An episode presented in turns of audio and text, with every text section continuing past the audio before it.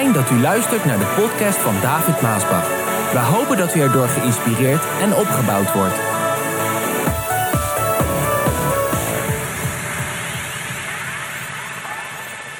De titel van de boodschap. Ben jij bang voor het merkteken van het beest? En we gaan even lezen in Openbaring 13, vers 16. Openbaring 13, vers 16 tot en met 18. Het tweede beest had iedereen in zijn macht, klein en groot, rijk en arm, vrij en slaaf. Iedereen, iedereen, hoor je dat? Wat zei ik?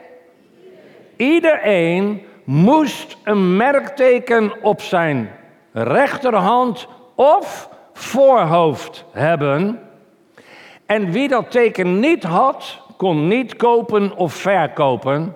Dat teken moest de naam van het beest zijn. Dat teken moest de naam van het beest zijn.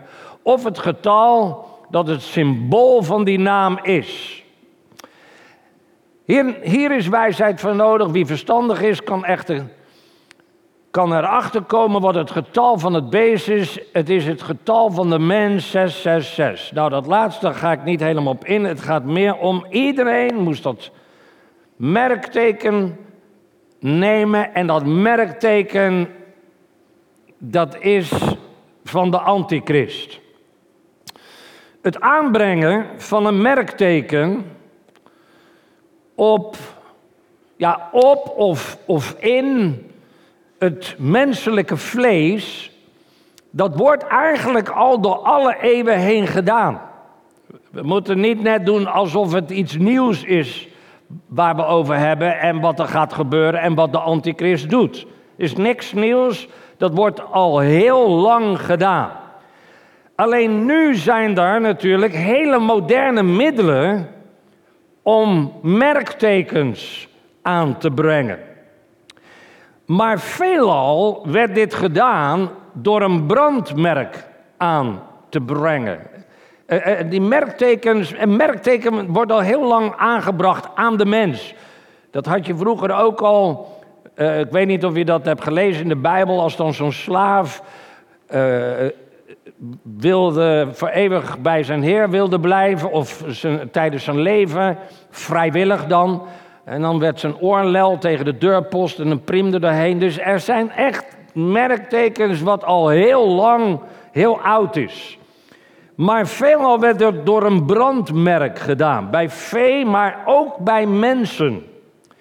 Het woordenboek zegt: een brandmerk is een middel om een zaak te identificeren door middel van een niet zonder kenbare sporen verwijderbaar merkteken. Met andere woorden, je wordt gemerkt en je kan dat merk niet zomaar verwijderen zonder dat je niks meer ziet. Zo altijd zal er iets zichtbaar zijn. En een brandmerk geeft de eigenaar aan zegt het woordenboek. Luister, hè, geef de eigenaar aan. Brandmerken is een stigma koppelen aan een groep van mensen. Dat is wel een modern woord. Nou, de Bijbel zegt hier dus, wat we hebben gelezen in Openbaring. Iedereen, iedereen moest een merkteken op zijn rechterhand of voorhoofd hebben. Dat wil zeggen, het merkteken van het beest is een letterlijk merk op en in het vlees van een mens. We moeten het nemen zoals het is. Een merkteken op de palm van zijn rechterhand of op het voorhoofd. Hoe duidelijk kan je zijn? En dat zal tegen het einde van de regering van de antichrist en de wederkomst van Jezus Christus worden ingevoerd. Het merkteken wordt tegen het einde van de regering van de antichrist en de wederkomst van Jezus Christus ingevoerd. En wel om twee redenen. Kijk, dat is belangrijk om te weten.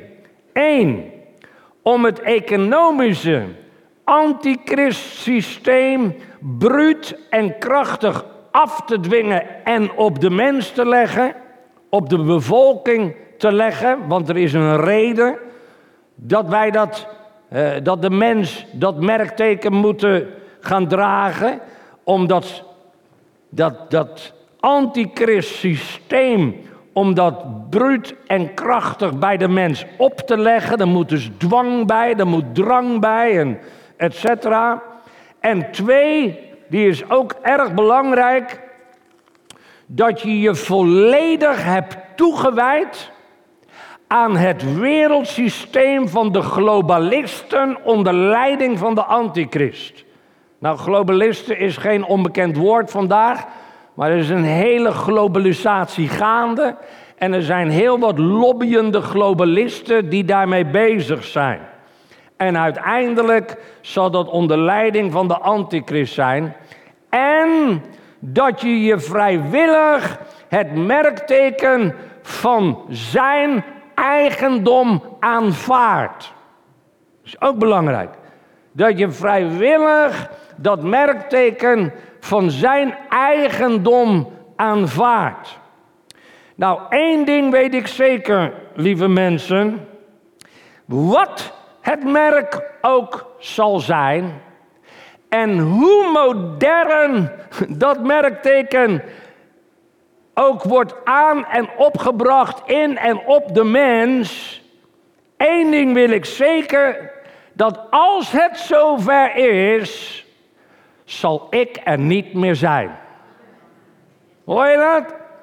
Dus hoe het ook zal gaan, wanneer het ook zal zijn, ik zal er niet meer zijn. Als dat eenmaal gaat komen. Vraag. Is het mogelijk dat het COVID-vaccin het merkteken van het beest in zich draagt? Goede vraag. Lopen heel wat mensen vandaag mee rond, christenen dan. Antwoord. In het boek van Openbaring staat absoluut nergens dat het merkteken van het beest gelieerd of geïdentificeerd wordt aan een medicijn of aan de medici of aan de geneeskunst. En ik hoop dat er een paar dingen, dat je vandaag een paar dingen zal horen, wat nieuw voor je zal zijn en wat je ogen zal openen, waardoor je ook rust zal ontvangen in je binnenste. Want er is heel wat onrust. Nergens lees je dat dat merkteken gelieerd is aan een medicijn, de medici of geneeskunst. Nee, luister. Het merkteken van het beest is gelieerd aan loyaliteit en aanbidding van de antichrist. En dat is belangrijk dat je dat weet. Dat merkteken is gelieerd aan een loyaliteit en aan een aanbidding van de antichrist. Het past ook helemaal niet in de chronologische volgorde van de profetieën. Ik denk omdat er velen hier niet mee bekend zijn of niet weten, halen ze alles door elkaar. Dus kijk, het is niet onbekend dat ik voor vaccinatie ben. En, en dit, waarin ik deze dingen uitleg, eh, begrijp je ook waarom. Ik ben voor vaccinatie. Ik weet dat er heel veel niet voor zijn. Waarschijnlijk niet hier, misschien enkele, maar zeker buiten. En dat weet ik omdat ik mij met een foto heb gepresenteerd dat ik mij heb laten vaccineren. Nou, ik weet niet of je het gelezen hebt met de reacties, maar ik ben voor alles en nog wat uitgemaakt. Niet door de wereld, nee lieve mensen, door, nou ja, christenen, christenen, christenen. Uh, ik geloof dat ik de antichrist ben Ik heb het merkteken van het beest aanvaard. Allemaal van dat soort termen. En op een manier dat ik denk, joh, als jij zo praat als christen, dan ben jij geen christen. Want zelfs de wereld praat niet op zo'n manier. Maar een christen hoort helemaal niet zo te praten. Goed, je mag het vinden. Maar dat geldt voor ons allemaal. Laten we wel in de geest van Christus op een manier reageren zoals Christus ook zou reageren. En die zou niet reageren zoals sommige christenen hebben gereageerd. En ik kan veel hebben, lieve mensen, en dit ook, want ik heb het lekker laten staan. Ik denk, laat het maar staan. Er zijn er ook die tot inzicht komen en zich toch laten vaccineren en dan sta jij er wel tussen met je naam. En denk ik, laat het maar staan. En dan kan ik me voorstellen dat dat gebeurt, sommigen uit onwetendheid. Nou oké, er zijn heel veel onwetendheid. Vandaar dat ik begonnen ben met deze boodschap. Dat ik dacht, er is zoveel onwetendheid, ik moet hier wat, wat, wat dingen over gaan zeggen. Maar er zijn natuurlijk ook ertussen, en dat zijn gewoon huigelaars. Dan denk ik, joh, je zegt daar wat, je roept daar wat achter je toetsenbordje. Maar je houdt je er zelf ook helemaal niet aan. Als je dit zegt, wat jij zegt, ja, moet op God vertrouwen en alleen Hij en allemaal niks. Ik vind dat hele mooie teksten, gebruik ze zelf ook. Maar je laat je toch ook verzekeren? Je doet toch ook je deur op slot van je auto, van je huis? En je gaat toch ook niet zeggen, nou, ik ga helemaal op God vertrouwen hoor. Dat, zijn, dat, dat, dat, dat vind ik dan huigelen. Dan denk ik, als je het in ene doet, dan moet je het in in de hele, op het hele gebied doen. Dus vandaar dat ik dacht, die onwetendheid is zo groot, ik moet hier wat op gaan zeggen. Velen kennen de chronologische volgorde van de profetieën niet. Daarom deze boodschap. De eerstvolgende grote gebeurtenis op Gods kalender is niet het merkteken van het beest. Het is de opname van de gemeente. Schrijf het op. Onthoud dit. Ik zeg het nog een keer. Dit is heel duidelijke taal. De eerstvolgende grote gebeurtenis op Gods kalender is niet het merkteken van het beest. Het is de opname van de gemeente. Meteen na de opname van de gemeente begint volgens de Bijbel het zevenjarig durig event, ik noem het maar even event, die de Bijbel de grote verdrukking noemt. Na de opname, de grote verdrukking, zeven jaar. De grote verdrukking wordt in de Bijbel door tweeën gedeeld. Van elk drie en een half jaar.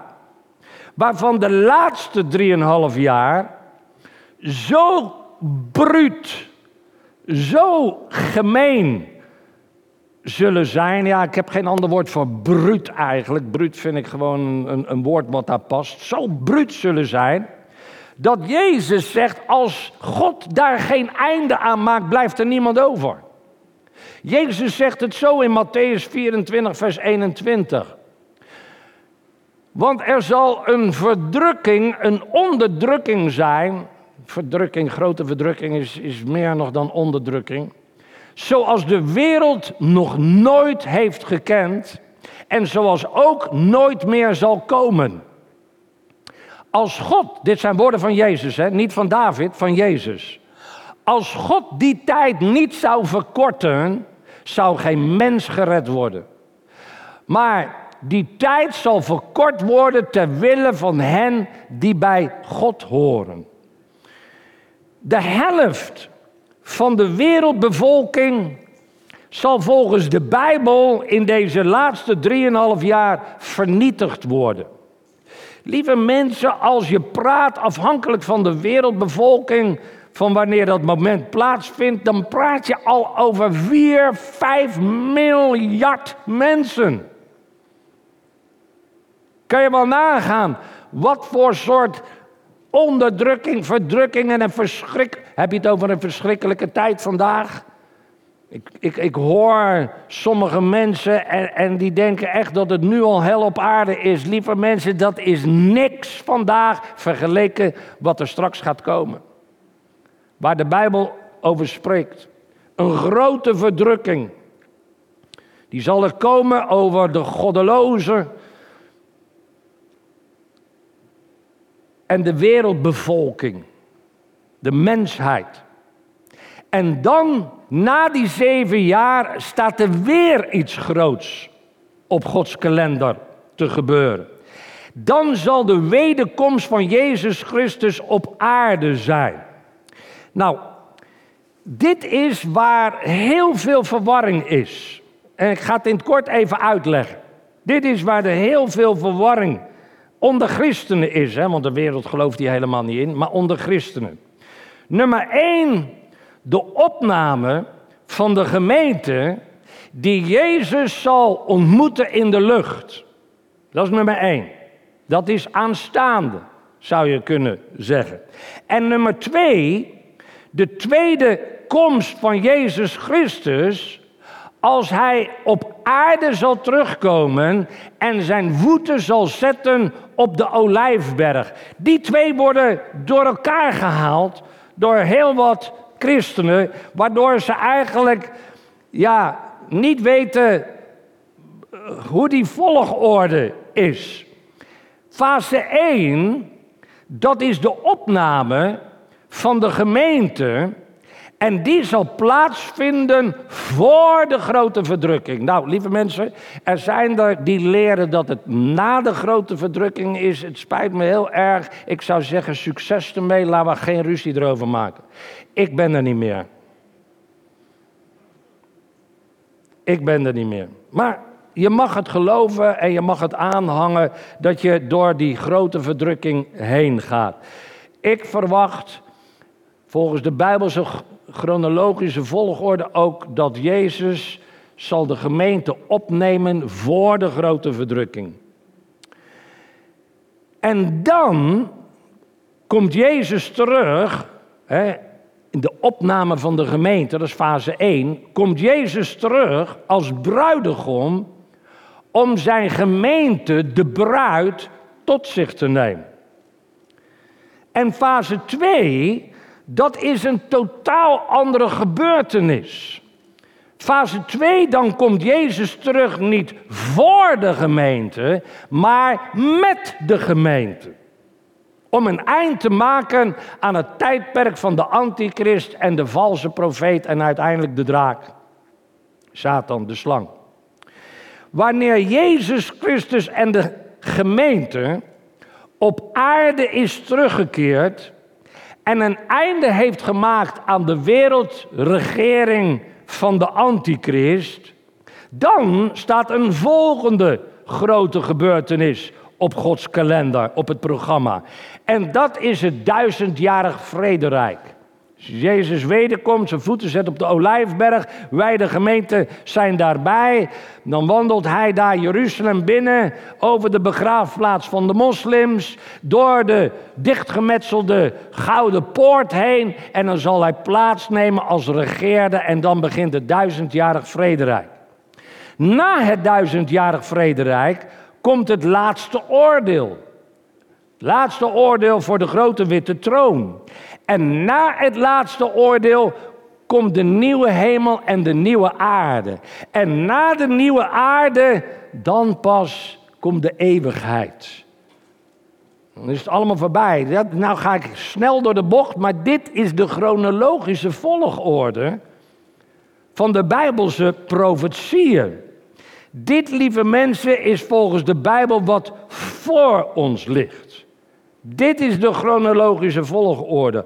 Onthoud met alles wat je hoort één ding. De opname van de gemeente is een plotselinge en een tekenloze gebeurtenis. Dat wil zeggen, er zullen geen speciale tekenen aan vooraf gaan. Het zal een plotselinge gebeurtenis zijn wat vandaag zou kunnen plaatsvinden. Hallo. Ja, Jezus heeft gezegd dat er tekenen zullen zijn van hongersnoden, van aardbevingen, natuurrampen, oorlogen, epidemieën, dat het evangelie overal gepredikt moet worden. Dat heeft Jezus gezegd. Maar dat gebeurt allemaal al. Hallo. Dat gebeurt allemaal al. Elke dag hoor je dat op het nieuws. Lees je het in de kranten. Er is niet één profetie die nog in vervulling moet gaan. Luister, oh. Er is niet één profetie die nog in vervulling moet gaan wat Jezus wederkomst in de weg staat. Oké, er zijn sommigen die zeggen de tempel moet eerst gebouwd worden. Ik laat dat in het midden. En als dat, als dat überhaupt zou zijn, ik weet hoe snel ze vandaag bouwen. Maar voor mij is er niet één profetie die vervuld moet worden, waar de Bijbel over spreekt, voordat Jezus Christus kan terugkomen om de gemeente tot zich te nemen. Voor de opname om plaats te vinden.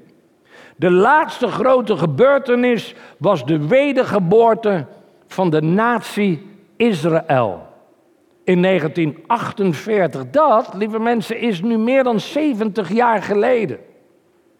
En dat komt weer overheen, overeen, waar ik niet op in kan gaan, met de 70 jaarweken in Daniel. En dan hebben we ook nog de droom van Nebukadnezar. Weet je nog wel? Babylonische, Persische, Griekse, Romeinse. Bij de voeten zijn we beland. Wat leem en klei is. Nou, Europa is leem en klei, want we zijn één, maar we zijn helemaal niet één. Het enige wat nog ontbreekt zijn de tien tenen, zijn de tien leiders. Die hun macht aan de antichrist zullen geven. Wat een geweldige tijd. Wat een spannende tijd om in te leven.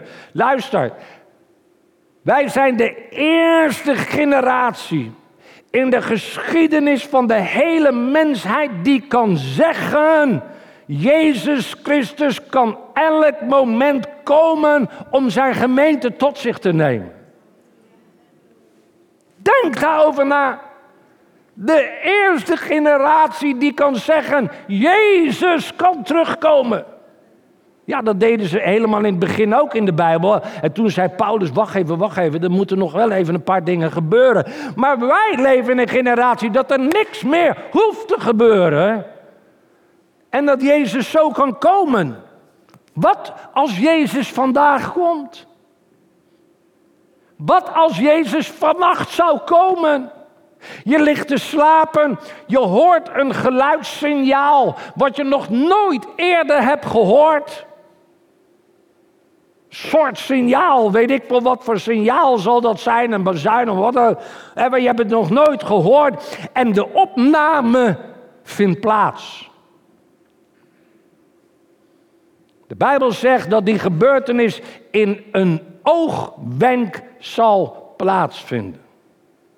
Nou, er is niks snellers wat het lichaam kan doen dan een oogwenk. Terwijl je naar mij luistert, nu heb je alweer je ogen geknipperd. Zo snel zal het gaan. Eén ding is zeker, het is zo snel, zo snel, dat je geen tijd meer hebt om te bidden. Het zal zo snel plaatsvinden dat je geen tijd meer hebt om je te bekeren.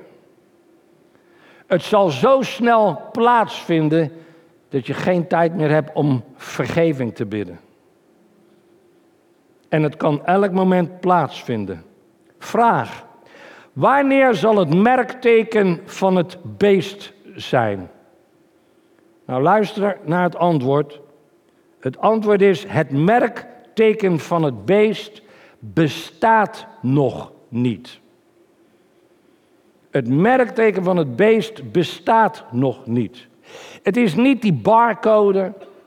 Het is niet die QR-code. Het is niet die microchip. Het is niet dat COVID-vaccin, waardoor vandaag velen helemaal hoog door de boter zijn en in allerlei, allerlei conspiracy theorieën, plottheorieën, complotten zitten, allerlei rare dingen. Je kan er geen touw meer aan vastknopen. Ja, oké, dat kunnen allemaal voorlopers zijn. Dat kunnen allemaal uitvindingen zijn en voorlopers zijn. Maar als we nu praten, het merkteken van het beest bestaat nu nog niet. Vraag, waarom bestaat het merkteken van het beest nog niet? Het antwoord is misschien eenvoudiger dan je denkt, maar het antwoord is omdat het eenvoudigweg de tijd nog niet is. Zo simpel is het antwoord. Het is de tijd nog niet. De eindtijdprofetieën hebben een chronologische voor, volgorde. En de regering van de antichrist is er nog niet. Nou, het lijkt erop. Het lijkt erop bij sommigen. Dat is de reden waarom de duivel, de draak, Satan, de slang. Oh, wat heeft hij een hekel aan deze boodschap? Dat is de reden dat de duivel deze wereld nog niet volledig in zijn macht heeft. Ja, hij is de God van de wereld. God van de goddelozen in ieder geval, maar niet mijn God. En ik denk ook niet jouw God. Zo, de duivel heeft nog niet volledige macht over en in deze wereld. Alleen God heeft de macht om de eindtijdprofetieën in vervulling te laten gaan. Matthäus 24 zegt Jezus het zo. Maar wanneer dat allemaal zal gebeuren en op welke dag, je kan wel de tijd weten vanwege de oorlogen, noem maar op, maar de dag, welk uur, weet niemand. Zelfs de engelen in de hemel weten het niet. Alleen de Vader die weet het. Zo, je kan nooit een, je kan nooit een uur of een datum prikken. Niemand heeft de tijd in zijn hand, haar hand, dan de Vader alleen. God alleen. Dat wil zeggen, je kan de wederkomst van Jezus Christus niet versnellen. Je kan het ook niet vertragen. Want de enige die de tijd in zijn hand heeft, en de wederkomst is een gezette tijd. Dat is wat de Vader in zijn handen heeft. Alleen God weet het. Plotseling zal het gebeuren. En zal de opname plaatsvinden. Zorg er daarom voor dat je gereed bent. Niet straks, niet morgen. Het kan allemaal te laat zijn. Jezus kan zo wederkomen kan vandaag gebeuren. Zeg me nou niet als je morgen nog leeft, ja zie je wel David, wordt al honderd jaar gezegd, het is weer niet gebeurd. Nee, maar het kan plotseling en het zal plotseling plaatsvinden. Plotseling zullen er misschien sommigen komen op zondagmorgen en ik zal het niet meer zijn. En velen met mij. Zorg ervoor dat je gereed bent om hem te ontmoeten in de lucht. Niet op aarde, dat is wanneer die terug gaat komen. Om een einde te maken aan de antichrist. Dan heeft de antichrist al plaatsgevonden. Nee, hem ontmoeten in de lucht. En tegen de mensen die behoren tot de groep die het werk van de Heer en de gemeente hebben beschadigd, en dat zijn er niet weinigen. Tegen jou wil ik zeggen, bekeer je en vraag om vergeving. Dat is alles wat ik jou te melden heb. Bekeer je en vraag om vergeving, nu het nog kan. Ten slotte de vraag: kan ik bij vergissing, onbedoeld, ongewild, onopzettelijk, per abuis, per ongeluk, toch het merkteken van het beest ontvangen? Antwoord: Nee. Waarom niet? De opname van de gemeente maakt dit onmogelijk. Mooi antwoord. De opname van de gemeente maakt het onmogelijk dat jij per ongeluk, per buis, toevallig toch dat merkteken ontvangt. Want het zit misschien hier, of het zit misschien daarin, het zit misschien zo, het komt misschien daarvan. Maak je niet druk. Met andere woorden, je hoeft als kind van God niet bang te zijn voor het merkteken van het beest. Je hoeft er geen nacht wakker over te liggen. Je hoeft niet bang te zijn, je hoeft niet ongerust te zijn. 1 Thessalonicense 4 zegt het zo, vers 15. Wat wij hier zeggen is het woord van de Heer. Wij die bij de terugkeer van de Heer nog leven, zullen Hem niet eerder tegemoet gaan dan de gestorvenen. Want als het signaal klinkt, als een van de voornaamste engelen zijn stem laat horen en de trompet van God schalt, zal de Heer zelf uit de hemel neerdalen. En dan zullen de gestorven christenen eerst opstaan en daarna zullen wij die op dat moment nog leven met hen in de wolken worden opgenomen om de Heer in de lucht tegemoet te gaan. En altijd bij Hem te zijn. En met dit nieuws, en daarom breng ik dit nieuws vandaag aan jou. Dit nieuws kunt u elkaar troosten en bemoedigen. Wees niet bang. Je hebt geen reden om bang te zijn. Dat vindt later plaats, wanneer wij er niet meer zijn. 2 Thessalonicense gaat Paulus verder in zijn tweede boek aan de gemeente Thessalonicense, vers 2, hoofdstuk 2, vers 5. Herinner je niet dat ik je dit verteld heb toen ik bij je was? Dat is wat ik net gelezen heb. U weet wel wat hem, de antichrist, in de weg staat. Maar te zijner tijd zal hij, de antichrist, tevoorschijn komen. Ja, dat gaat gebeuren. De geest van de antichrist is al lang in de wereld. Want de wetteloosheid is in het geheim al aan het werk. De antichrist, de geest van de antichrist is al lang aan het werk. Dat is waarom je al die dingen ziet en hoort vandaag. Wees niet bang, dat gebeurt. Maar heeft zich nog niet kenbaar gemaakt, heeft zich nog niet openbaard, is nog niet op het wereldtoneel gekomen. Dat kan pas als hij die dit verhindert weg is. De antichrist kan zich pas openbaren, op het toneel komen, als hij die hem tegenhoudt weg is. De antichrist kan zich vandaag nog niet openbaren. Hij is er nog niet. Hij kan misschien ergens bestaan, weet ik veel, ergens opgroeien, verscholen zijn, noem maar op. Hij kan ergens zijn. Maar hij kan nog niet het wereldtoneel bestijgen. Hij kan nog niet aan zijn plan beginnen als hij die hem tegenhoudt nog op aarde is. En degene die hem tegenhoudt is de Heilige Geest van God.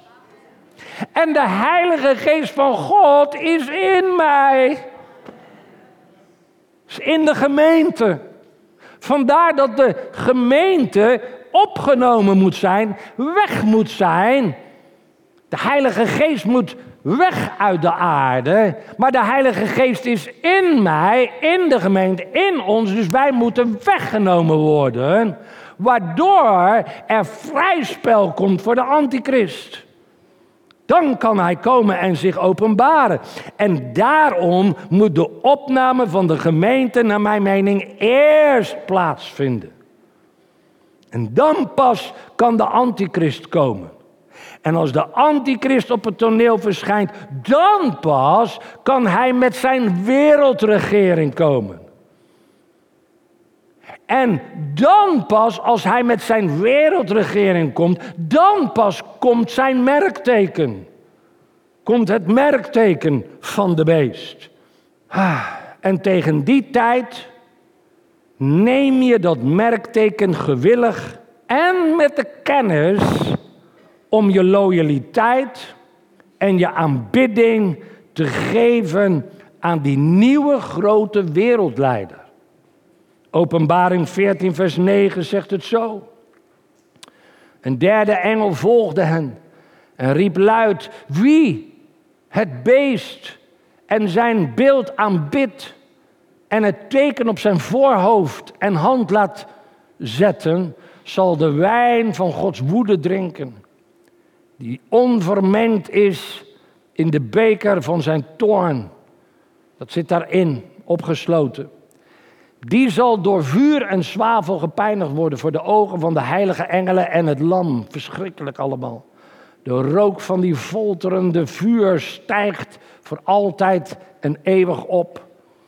De mensen die het beest en zijn beeld aanbidden en die het getal van zijn naam dragen, die dat merkteken dragen, zullen geen moment rust meer hebben. Verschrikkelijke tijd, lieve mensen. Er is een hemel en er is een hel. En niemand gaat met toeval naar de hemel of naar de hel. Je komt daar door een bewuste keuze te maken. Dat is waar wij ons ons hele leven al mee bezighouden. Dat is wat de stichting Joma's voor Wereldzinding, wat Johan Maasbach, evangelist Johan Maasbach, altijd mee bezig heeft gehouden. Ons doel is om zoveel mogelijk mensen te bereiken met de boodschap van Jezus Christus in de kortst mogelijke tijd met de beste middelen die ons ter beschikking staan. Dat is ons doel. En ik begrijp dat de boze daar een hekel aan heeft. Maar wij gaan daarmee door totdat we dat bazuin, totdat we de bezuin horen. En als ik er niet meer zou zijn, omdat Jezus nog steeds vertoeft, dat kan ook. Want tijden kunnen soms nog lang duren. Maar één ding is zeker, het zal komen. En als ik er niet meer zal zijn, dan zal de volgende generatie weer met diezelfde boodschap, in diezelfde kracht van de Heilige Geest, met datzelfde woord weer doorgaan. Ik ben blij dat er alweer een hele nieuwe generatie, new geners zijn. Jonge mensen, ook mijn eigen kinderen. Wat een blessing. Wat een blessing. En dat zal ook het getuigenis zijn van de familie Maasbach. En daar zal je meer over horen met de twaalf Pinksterdagen volgend jaar. DV, moet je er elke keer bij zeggen, DV. Het getuigenis van de familie Maasbach. Dit is wat Jezus zegt in Johannes 14, vers 6. Ik ben de weg. Ik ben de waarheid.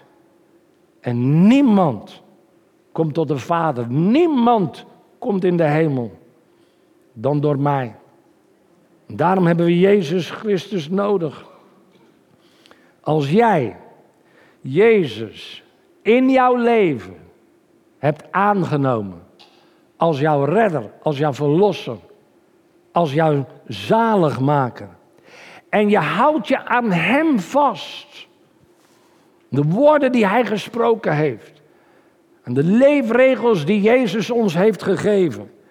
Als je aan Jezus vasthoudt, als je Hem hebt aangenomen en je houdt aan Hem vast, zal je de opname niet missen. En laat de opname nou eerst moeten plaatsvinden voordat het merkteken komt. Voordat het merkteken wordt geïntroduceerd. Wees daarom niet bang voor het merkteken van het beest. Als je een kind van God bent. Maar misschien ben je nog geen kind van God. Of misschien ga je wel naar de kerk, maar luister, naar de kerk gaan maakt jou geen christen. De Bijbel lezen maakt jou geen christen. Net zo min als dat jij in een stal gaat staan, maakt dat jou ook geen koe. Een christen word door Jezus aan te nemen. De opname die mis je niet door Jezus aan te nemen. Dat is de uitvlucht die God heeft gegeven. De weg, dat is de waarheid. En dat is ook het eeuwige leven. En als je zo iemand bent en je hebt nog nooit dit gebed gebeden, oprecht en eerlijk, om Jezus aan te nemen in jouw hart, dan zou ik zeggen, leg je hand op je hart en ik ga je helpen. Bid mij maar na als je zo iemand bent. Zeg maar, Vader in de hemel, ik dank u voor uw liefde en grote genade. Dat u gekomen bent, Heer Jezus, om mij te redden. Om mij op te halen. Zodat ik voor altijd en eeuwig bij u kan zijn. Ik ben u zo dankbaar, Heer Jezus, voor uw offer op Golgotha. Waar uw bloed vloeide voor de vergeving van al mijn zonden. En nu vraag ik, Heer Jezus, reinig mijn hart. Reinig mijn hart van alle zonden. Vader in de hemel, ik vraag u om vergeving. Ik heb berouw van mijn zonden. Reinig mijn leven, reinig mijn geest, reinig mijn denken. Kom in mijn hart, Heer Jezus. Kom in mijn hart. Ik weet dat u mij hoort en ik dank u dat ik dit in geloof mag aannemen. Dat u nu in mij woont, in mijn leven bent. En dank u voor uw Heilige Geest die mij zal helpen. In Jezus' naam. Amen.